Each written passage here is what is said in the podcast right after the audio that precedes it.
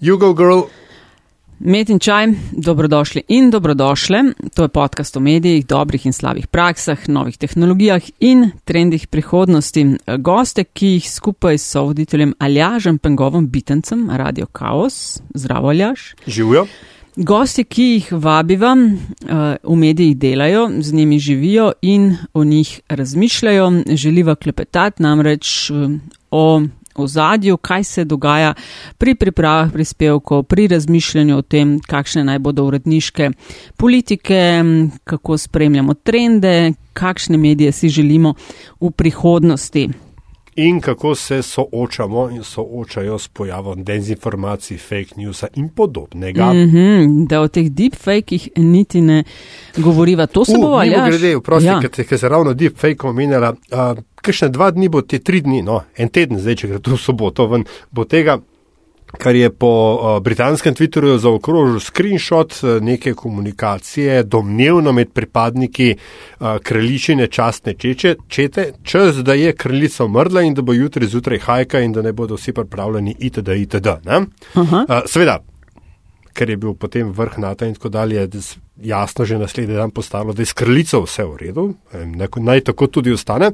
Ampak poanta je bila druge. Medtem ko vsi mi, um, profesionalci v medijih, obsesiramo in paničarimo glede deepfakeov, je um, splošna javnost popolnoma pripravljena verjeti screenshotu neke domnevno WhatsApp skupine domnevno vojakov, kjer imajo za ikono sliko penisa in so nasploh zelo vulgarni. Skratka, mogoče deepfake niso naš najhujši problem.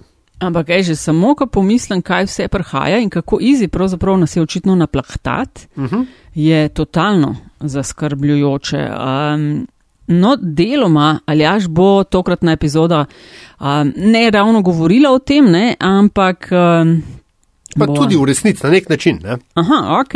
Ja. Um, no, še predtem pa. Uh, Hvala lepa vsem, ki nas poslušate, ki spremljate Metin Čaj na Twitterju pod ključnik Metin Čaj, sicer naj oba zaljažen dobite pod Afna Pengovski ali pa Afna DC43, če bi želeli kaj povedati, pokritizirati, pohvaliti ali predlagati kakšnega eh, gosta. Zelo hvaležna sva pa tudi vsem za podporo v različnih oblikah, tudi eh, za morebitne investicije v malho metine liste. Eh, dobite najo tudi na komentarji in predlogi na infoafna.metinalista.si.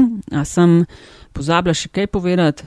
Um, ne, mi mislim, da ne, razen če si vmes umislil na račun na Pinterestu tudi. Ah, tega sem si po moje kakšnih, kaj za deset let nazaj, ki je pa pozabljeno, kakšno je geslo in podobno. Ah.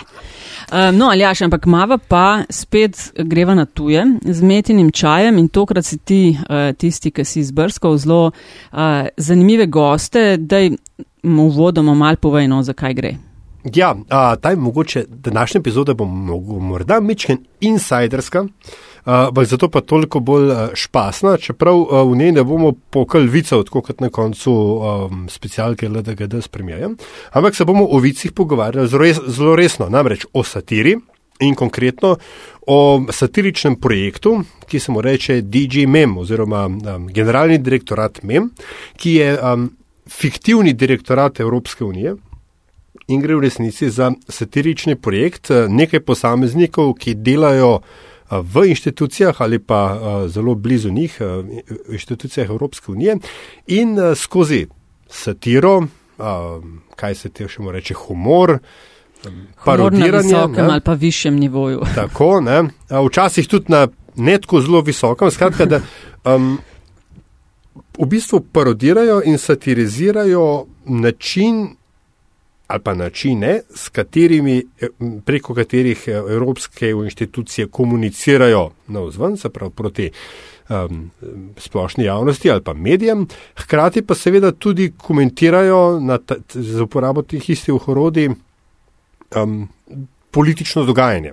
Bodi si so to načine, na katerega uh, mediji pokrivajo Evropsko unijo, bodi si stvari, ki se znotraj EU uh, dogajajo. Zadnje čase je bil zelo popularen Brexit, seveda, in uh, potem cel kup memov, ki so se um, zgodili um, sami od sebe. Kje pa, si jih pa ti našel?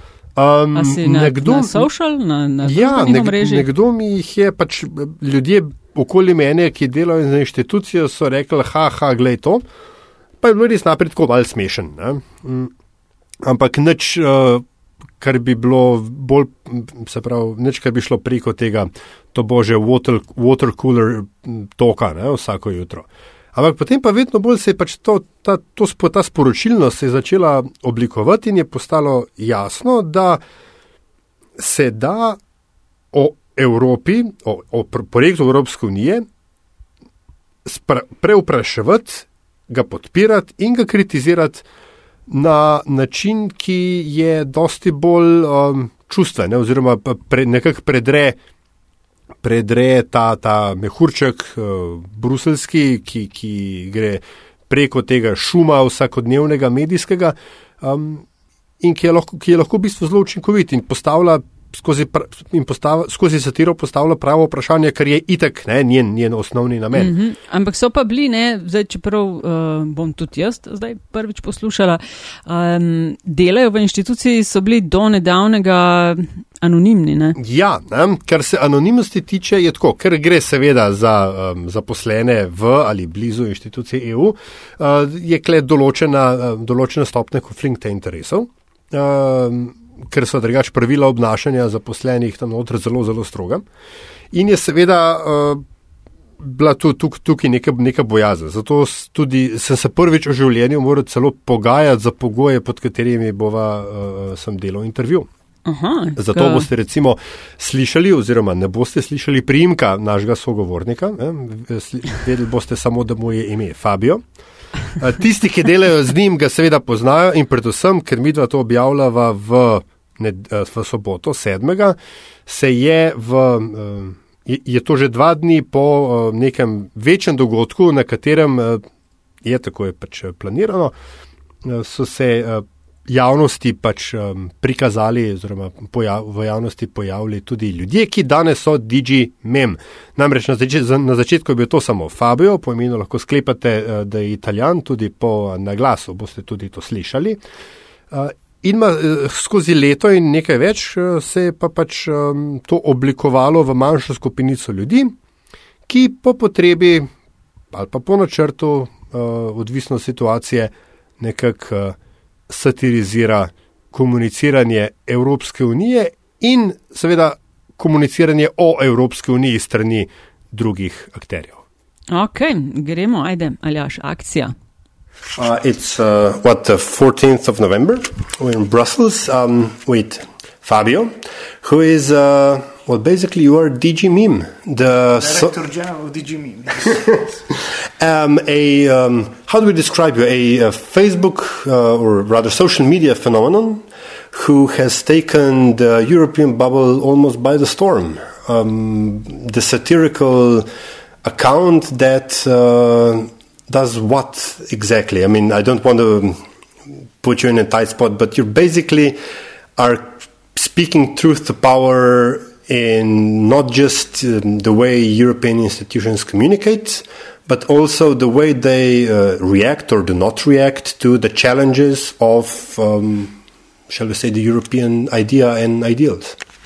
Yeah, it's something like that, and much more, and also much less. Uh, yeah, the idea, the project started as um, as a way to achieve what uh, the European Commission say they want to achieve, which is uh, engaging citizens, making European news more popular, explaining what we are doing here and why it is important that uh, we keep doing it. And yeah, to do that, you cannot be uh, accepting everything that the Commission does, and you have to criticize uh, their communication style, show that hey, there are other ways that you can talk to people. You don't need a press release. Press release will go to journalists, then journalists will write what they want out of it. Uh, you can also communicate with images and make fun of yourself or present it in a in a way that people are curious to read more and this happens um, yeah mostly on facebook. I like it as a mean of communication. Some fans say it's because i'm too old fashioned. So Facebook is for the old people. I like the idea that I can write a lot of text because some things cannot be explained with a tweet. Uh, and I like that you can combine medias uh, properly. So I think that's where we are most active. But later, yes, later I discovered Twitter. I must say it's kind of fun, especially because you really the communication is uh, fast and you can comment news in a satirical way. And uh, yes, the, about the, the, the truth, uh, to speak the truth, I don't know if we speak the truth. I'd be happy if we can speak doubts and have a conversation about it because, uh, yeah, that's what makes us uh, human and interesting is that we have doubts. So discussing the points where we disagree and try to find if there are common grounds or not, or understanding the other's point on specific matters, I think is something very important. If we want to keep the democratic debate alive and not just pretend it's a facade for saying always the same thing and always agreeing on the same empty words. Um, one thing I find when dealing with um, senior politicians or institutions or what have you is the this incessant need to always be correct, not being challenged, uh, and this inevitably leads to blandness and you know always trying to find the middle road and inevitably not taking a position. I get the impression from dg memes posts that sometimes it wouldn't have hurt the institutions and the politicians whatever to take a little bit of, of, of stance uh, or, or to stand up for their beliefs whatever they may be yeah, of course, uh, yeah, standing up for something implies a risk, eh? and when uh, there is power at stake, of course, many politicians uh, don't dare. And you can see these obviously uh, oppositions are always, uh, yeah, always making daring promises and always having this, uh, you know, they're the truth, they are certain about things, and as soon as they go to government, they fail miserably because they don't have the competencies or because they realize the reality is much harder than a slogan. So yeah, of course, politicians, especially those who are in power, uh, tend to be conservative and be always politically correct and never being controversial.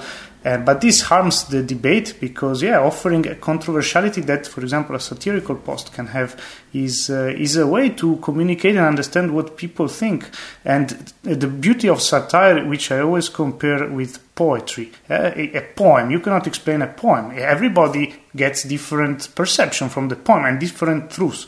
And the same is uh, the case of satire. I, I, make a post where there is. Um, you know the Hungarian and Romanian uh, governments that are trying to find a proper uh, commissioner candidate and they're looking at an empty shelf. And I wrote because these candidates should have should be uh, not too much obviously corrupted and also uh, it should be at least a bit pro-European. And some people got offended. Of course, the Romanian understood that I was saying that the Romanians are corrupted, and the Hungarians understood that I was saying that uh, Hungarians are not pro-Europeans. And I didn't say clearly which one was what, but they automatically infer it from the post, which is beautiful. It really proves why a satire can be the way. Today there was a post about the European Parliament and conflict of interest in which the European Parliament is represented as an old lady waiting for something she hears, and behind her there is a huge elephant, which is the conflict of interest.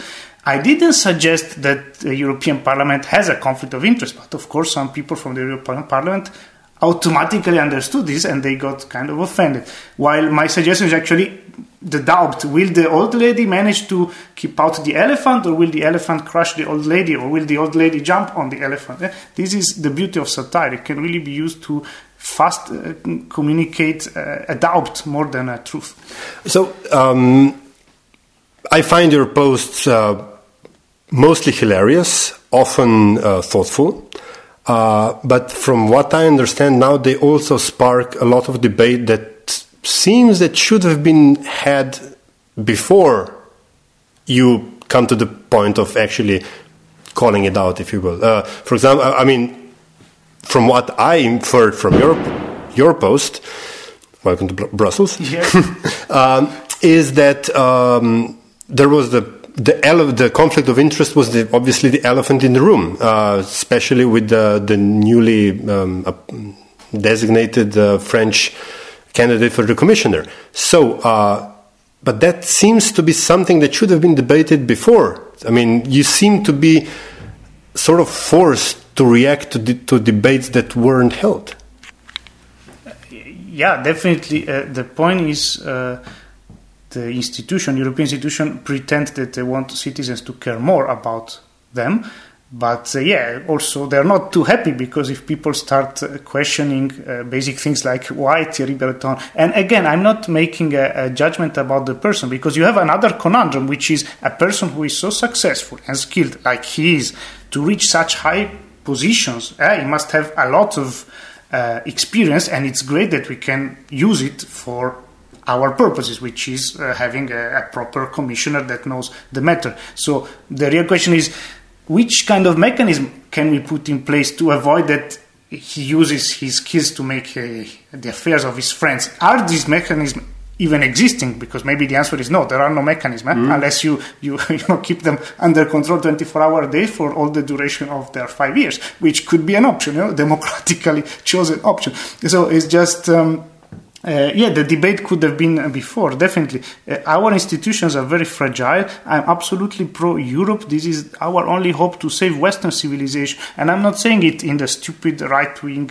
uh, way, like protecting, I don't know, Christianity. No, I'm protecting the fact that we learn to live together, even if we have different, different uh, religions, different beliefs this is uh, being European. So uh, all my criticism it, it, aims or tries to aim to, to sparkle a debate and try to improve uh, things the little as little as we can. Uh, it's complex. We are we are uh, 27, 28 countries that used to kill each other since 50 years ago fuck, eh, it's not easy. The, the, our uh, founding fathers thought of this complex mechanism of, you know, approving uh, EU legislation. And you explain to, my, to your mom, like, you know, it works like this. There is first the parliament, then it goes to the council, then it makes no sense, but that's the best we could find to make all the countries agree on something. And these institutions need to, to modernize themselves and change. And it's important to have a debate, otherwise, it will always happen behind the scene. And we know what happens behind the scene. uh, nevertheless, I still believe that politics can be a positive mean of change. But uh, yeah, people have to care more. We have to use all the instrument of controls that we have and really have a serious debate on these things. Well, I guess it's also a matter of you know little steps, such as not using caps lock in all your posts. yes, that was. Ah, don't get me started. Yes, I mean, this senior communication expert that that post 10, 10 lines of text in caps lock to, to say something and nobody read that obviously because you start to read it and your eyes like move away and, and still it got i don't know 200 retweets from all the main uh, uh, eu institution and stuff it means nobody there i'm not saying like you have to make a tweet like i did like making fun of it but just write them hey guys you know it's not a good idea to use cap lock, caps lock in your in your communication. It has very very basic um, things that show that you care. Now, I, I my first aim is not making fun. My first aim is just telling them, hey, you know, please communicate properly because if you are not communicating your idea properly, the whole institution is damaged. That's uh, the the primary goal, I think. Satire can be a very good tool to constructively criticize, um, to point out the obvious failures, to, to maybe nudge a debate, as you say. But um, can it be constructive in itself? I mean, it seems that satire cannot exist without mistakes. So uh, there's a bit of a paradox here that un- unless there were uh, missteps, that DG Meme would not really exist that would be a very happy day when there is no need for satire. I think satire will always find a way, even in the least controversial situation, to, to find a reason to, to smile and, and laugh and remember each other that we are all humans. Uh, sometimes I also think uh, we have very high expectation uh, about what a political class can do. I mean, uh, reality is against us. You cannot prevent catastrophe. Yeah, you can intervene and, and have all the proper uh, featuring to, to, to, to take care of a catastrophe, but um, yeah, there are some limits that uh, that we cannot expect our politicians to take care of. So satire, yeah, it's a, it's a way to, to remind of remind us of uh, also all the difficulties um, that that we can face and, and still find a, a, reason to smile about it and remember, like in the back of your head, well, maybe we could do it better next time. Um, I keep rem- I keep remembering uh, more than five years ago, basically, when uh, Jean Claude Juncker was a Spitzenkandidat. And he obviously promoted all the big words, IT and digital literacy and everything. And he put out a campaign ad where he wrote his uh, platform with a quill and a um, paper cloth and everything. Uh, and it seemed very heartwarming that he, at least for the duration of campaign, in, on this issue, didn't take himself too seriously. Uh, do political class or decision makers today take themselves too seriously and as a result fail to communicate? Uh, definitely, yes. Uh, but it's not only taking themselves seriously it's, is okay. I mean, you can say, well, I don't have sense of humor. I don't know why people keep laughing about things. I just want to deliver results and do what I'm paid for. Uh, that would be already great. To do that, you should be still uh, accepting criticism. One thing is being serious. One other, th- another thing is uh, suffocating any voice that says, sorry, you could do it another way, or did you consider that? Uh, so, yeah, being less serious. Uh, Juncker is a, is a great uh, politician in that matter. I mean, I met him in a, uh, different occasions, and I'm surprised how they managed to create this idea of a boring robot. This guy is making fun of himself from the beginning of the meeting till the end. Uh, at least that's that's what I experienced. I suppose maybe at the European Council, uh, sorry, at the Council, he's not he's not uh, like this, but um, yeah, he's he's kind of a good example. Of course, sometimes he goes maybe above the line for. for the for the everyday debate, like when he calls uh, Orban my, my little dictatorship or something like this. But still, it's it's uh, he's a I would say he's a very human uh, leader. But uh, yeah, probably this this message it didn't didn't pass through uh, those who met him personally. Um, when you speak, you obviously mostly speak towards uh, the, shall we say, EU bubble because you seem to be specifically popular uh, in there, and out, out the outside world is not so much aware of DG Meme. Maybe after this podcast, that'll be different.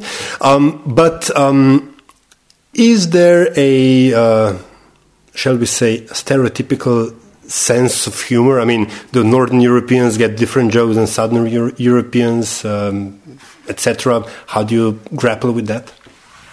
Uh, yes, there there is sense of humor is a cultural thing and uh, I lived in, in Austria in the past and uh, in the Czech Republic for some time. So yeah, definitely. For example, Austria and Czech, Czech Republic, especially, they have a very dark humor. Uh, while uh, yeah, I suppose Italian humor is more based on uh, stereotypes. Like you build a certain character which has certain features, and you keep repeating that it has these features and and we find uh, we find this funny. So uh, yeah, your question was more about uh, more about. I mean, do um, um, do stereotypes exist for real in terms of uh, getting the joke, if you will? Ah, okay. Like for example, the Germans don't get the jokes. Uh, nah, I don't think so. You have, thanks God, you have funny people a bit, a bit everywhere. Uh, but um, yeah, about the, maybe the DG meme being. Um, uh, bubble thing, yes, it was definitely it started in the bubble because it had to, in my view, it had to first gather uh, followers in the bubble because yeah, here is where, where things happen. But uh, I'm proud to say that in the last uh, three four months, it really went outside the bubble. I'm talking now with a Slovenian uh, radio uh, podcast, so I'm really really happy to that thinking that people talking Slovenian will listen to me talking in English. It's already a sign that it can maybe go.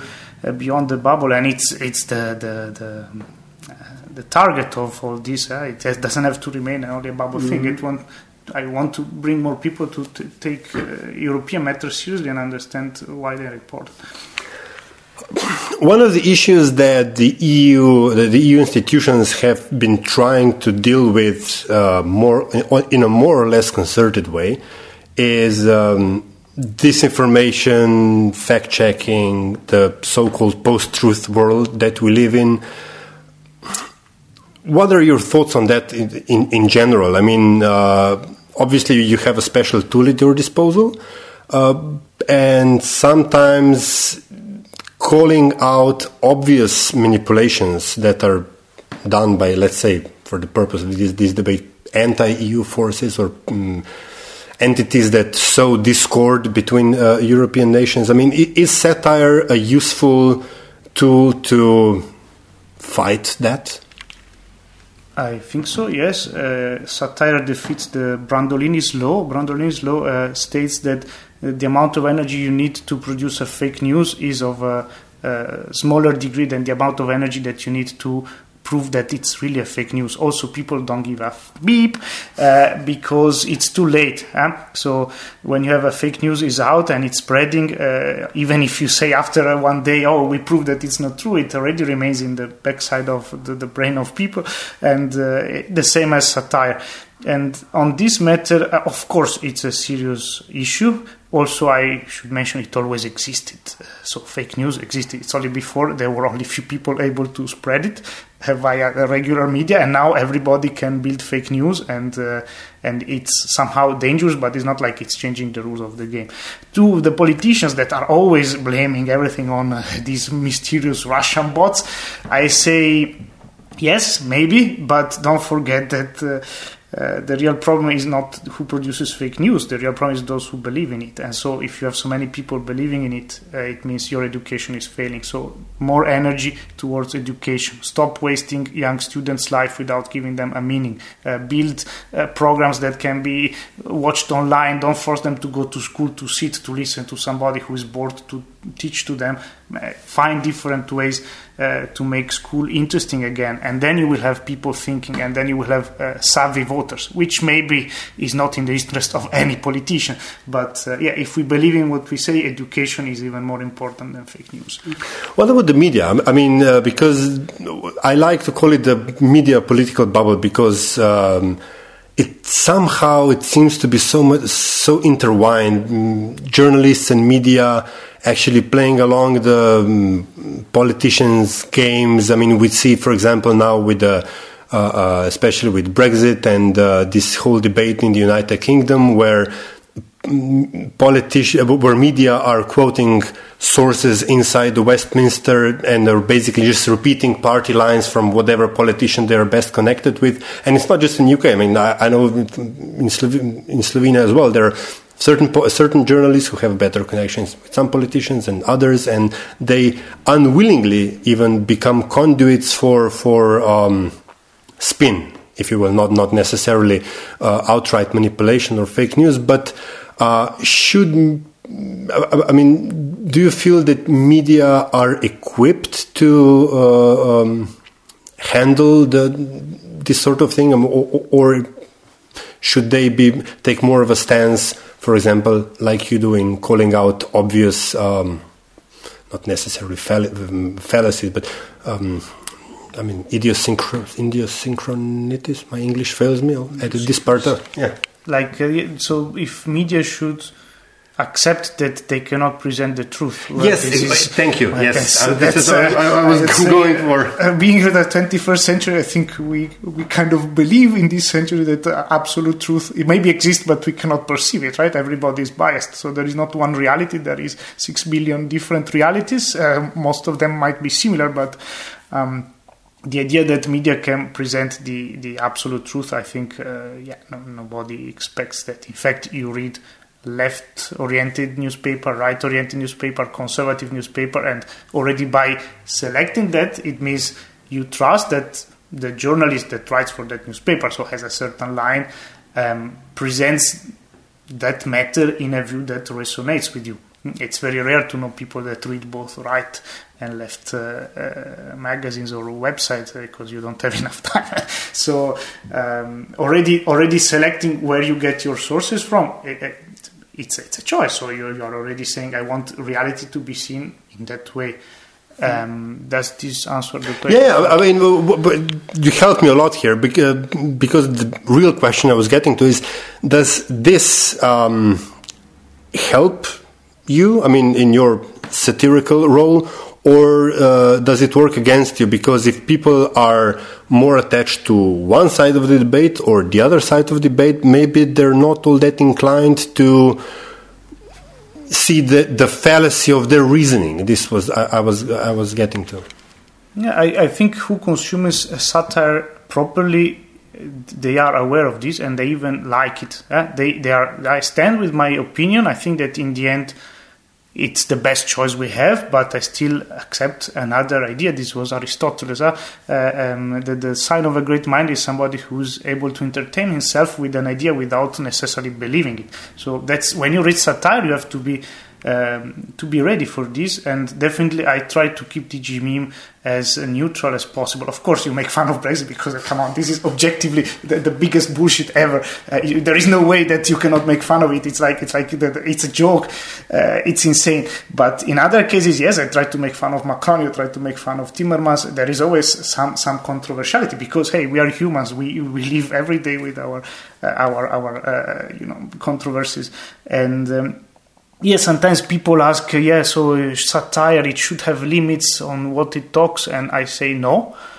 Uh, satire cannot have limits because you cannot stop making jokes on things, even if it's a recent tragedy, even if it's uh, people died. Uh, sorry, satire can still add something and make you think why did the people die? Uh, and make fun but not of the victims make fun of the situation that brought the victims to die. This is a, a, a common debate. I think of charlie hebdo. Yeah we were all charlie. I don't like it. I think the, their satire is very but dry and it, like too much like they really want to shock you. Uh, so i wouldn't read it but they have all the right to uh, publish what they do. And yes i, I am charlie. I, I, will i will give my life for, for their right to do that um, I was already trying to get to that, but um, creating is always much harder than criticizing. And I was um, especially intrigued when you yourself tried to do a um, positive message and it was effective, by the way. But I, I think I, I, I saw that it was a bit harder for you than usual. Uh, before the European uh, Parliament elections, when you, you, made a video where you basically called on people to get go out and vote, and don't get. I mean, maybe I'm criticizing a little bit, but you seem to be struggling a bit to to get the message out. That it, it was a bit harder to make it, you know, from the start to the finish, and um, to make it as savvy and as slick as your usual posts are. So the, the video itself, uh, uh yeah. I mean, the whole concept, you know, the of concept. Tr- tr- trying to to make a, to take a positive, uh, sorry, to take a positive spin on things and to actually make a call to action, which is basically what the European institutions through, through their various channels of communications are doing daily. That it actually entails more work and it's harder than just pointing out, well, you should have done this better and you should have done that better. Uh, uh, yeah, yeah, for sure. Uh, the video specifically uh, was a response to a video by the parliament in which they show for two minutes and 10 seconds uh, women in labor. Uh, so you very dramatic images, and if you watch for two minutes and ten seconds, finally you will see the message, which is you know you bring new life to Europe. You should go to vote because your children will be affected by your vote today. Which I mean maybe we didn't need two minutes and 10 seconds of women in labor. Uh, so that video, I, when I saw those videos, I was like, oh my God, oh my God, uh, I, I, need to do something. And I was traveling through Japan. So I started the beginning of my holidays and I was in Japan for two weeks. So I, I just had very limited, I was, didn't even carry my, my laptop. So I was writing, thinking of a script like, okay, what can we do better than this? And so I was writing the script and then trying to contact people to help me with recording the sound. The idea was to have it in Russian so that it's a neutral language and nobody annoys us with, ah, why didn't you? So it, this video was uh, technically very, very challenging because it had 24 languages subtitles, so all the European languages. So in Maltese you have the video.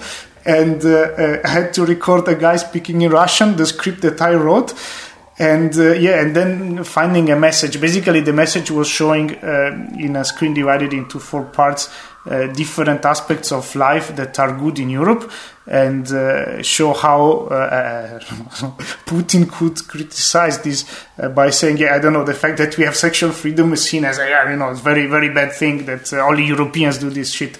Um, yeah, so it was it successful? Not really. Also because I suppose your videos didn't have enough traction, so images have more traction. We had pro-European for elections uh, memes that were reshared, I don't know, 700 times, but that video, many people say I didn't even see it. Uh, and yeah, it's a pity because it was really a lot of effort to make it work. Um, but yeah, uh, to bring people to vote, yes, it's uh, it's hard. It's really hard. You cannot just ask them to go to vote also because you have to prepare them, and they should be knowing w- why they are voting and for whom they're voting and what is the representation we get. So they should get more involved into politics and yeah that's a general very memes cannot do that i'm uh, yes meme can only sparkle a doubt or or bringing you to hey i could read more about this but then reading more is part of the, of the voter but then again you know not trying to criticize too much because uh, we like no no i mean the thing is i see the future in a positive way. So um, regardless meme as a cultural phenomenon lately was uh, internet memes specifically were used as a tool to sow discord and yet you use the same tool for what is basically a positive message of uh, European freedom and, and, and peace and well, prosperity. Um, is that something that occurred to you, or were, I mean, were you consciously saying, "I will use this tool in a different way"?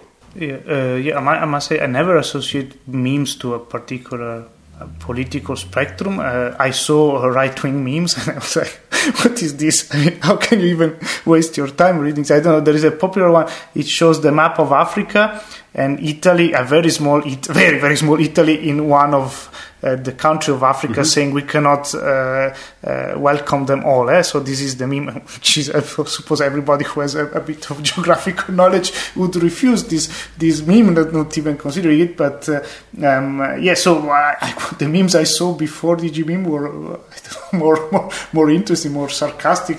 Uh, so no, I never never associated a meme with the right wing thing. Of course, if your if your average voter has problem reading a text, then maybe images can uh, help communicating faster. And yeah, they really give you this idea that that remains somewhere in your uh, emotional side of brain. And yeah, this Africa and Italy, even if obviously they are not the same dimension and nobody is saying that they should all come to, to Italy, uh, yeah, it can stick into certain uh, uh type of brains, and that's why again education is important. Yeah, but but uh, yours are sticking as well. So what, what, what I'm asking is, were you intentionally using this same approach for a counter narrative? The reason why I used memes because they are funny and because they really can communicate a lot of things uh, very fast. So that that was the reason. Also, yeah, you could say egoistically, it's my way to avoid going to an analyst. Uh, you know, you could either pay a psychiatrist or make memes. I think making memes is cheaper than, than uh, yeah, it's a, okay for sure. It's a way of venting out uh, sometimes what, what you have to listen to or what you see in your in your daily work. Eh? That I don't deny. But yeah, in general. Um, um, yeah, I, I, wouldn't say it was just uh, just a hobby. I really had an objective in mind, which was like, guys, I will show you that you can talk about Europe without being boring. So, what's next for DG Meme? I mean, um, we're publishing this after uh, 5th, uh, December 5th, uh, where you planned to have a, if I understand, a coming out party. Um, we're not. Um, we're in November, uh, mid November, recording this, so we don't know what will transpire. But um, now that you've uh, gained in popularity, now what? How do you proceed? Now, yeah, popularity is a relative thing. Eh? We're still very far from from uh, being known. It's still an elite project. Unfortunately, uh, not everybody is interested in politics. Not everybody is interested in European politics. So uh, I, I, don't pretend that I'm reaching the, the electorate which is dissatisfied with, with Europe, but at least I reach the elite which is trying to build an opinion about things and uh, can use DG Meme for that. Uh, yes, this coming out party is not really a coming out party. I want it to be the, the Woodstock of uh, European communication. I would like really to have a moment in which you have, uh, I don't know how many, we will find out the moment this, this uh, this uh, interview will go live. Uh, but yeah, I don't know, 300, 400 people in the room, and uh, old people, young people, people that uh, write still with pen, and people that tweet, and just stay together, have a nice evening, and and uh, discuss where we want to go because we reach a moment where uh, yeah, we are very fragile, I feel, and uh, it, it is time to stop being uh, you know, shaking, not, not knowing what to do, but just uh, yeah, deciding a certain course and, and be, be loyal to it. And other future um, development, yes, I can tell you, um, there will be a book coming out with DG Meme, which I hope this book, I hope it can reach.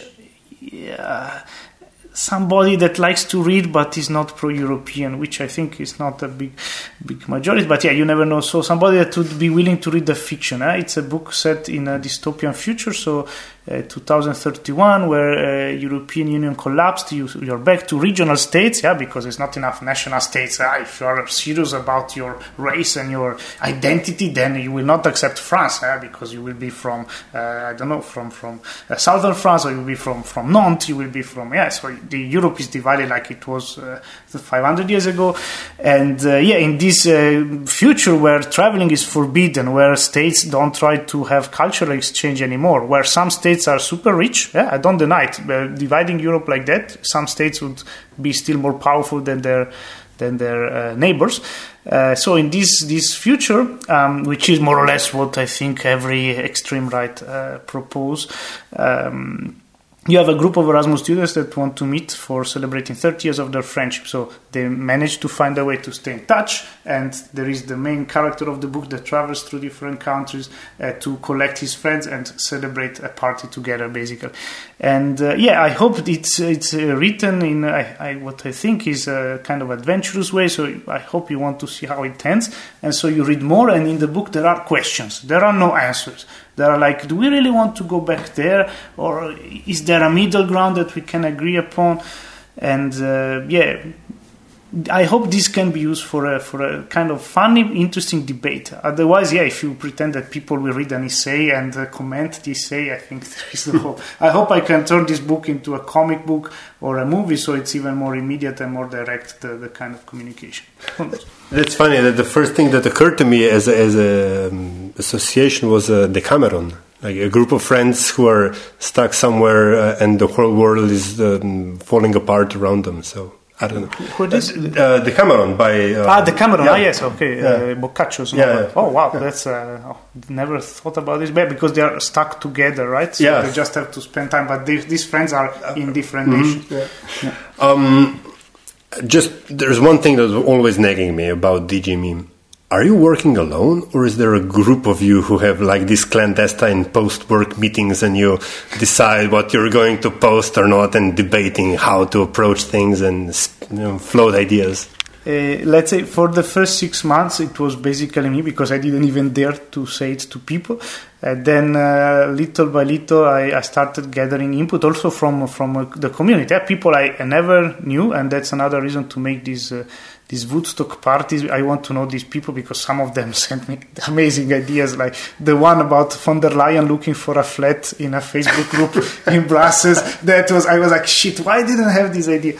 And uh, yeah, so there are contributions from the community for sure. Like one one per every two weeks, there is something good. And then, yeah, in February uh, this year, I was writing the Europolitan magazine, so it's a funny version of Cosmopolitan. And there I felt like I need a female touch for this post. I don't want, I, am a man, I don't understand everything there, right? So, yeah, then I, I met this, this uh, girl uh, in the office and I thought like, yeah, she could be she she was funny. I was like, maybe she could help. So I dared to tell her this, and she was like, oh my god, yes, of course, I want to help you.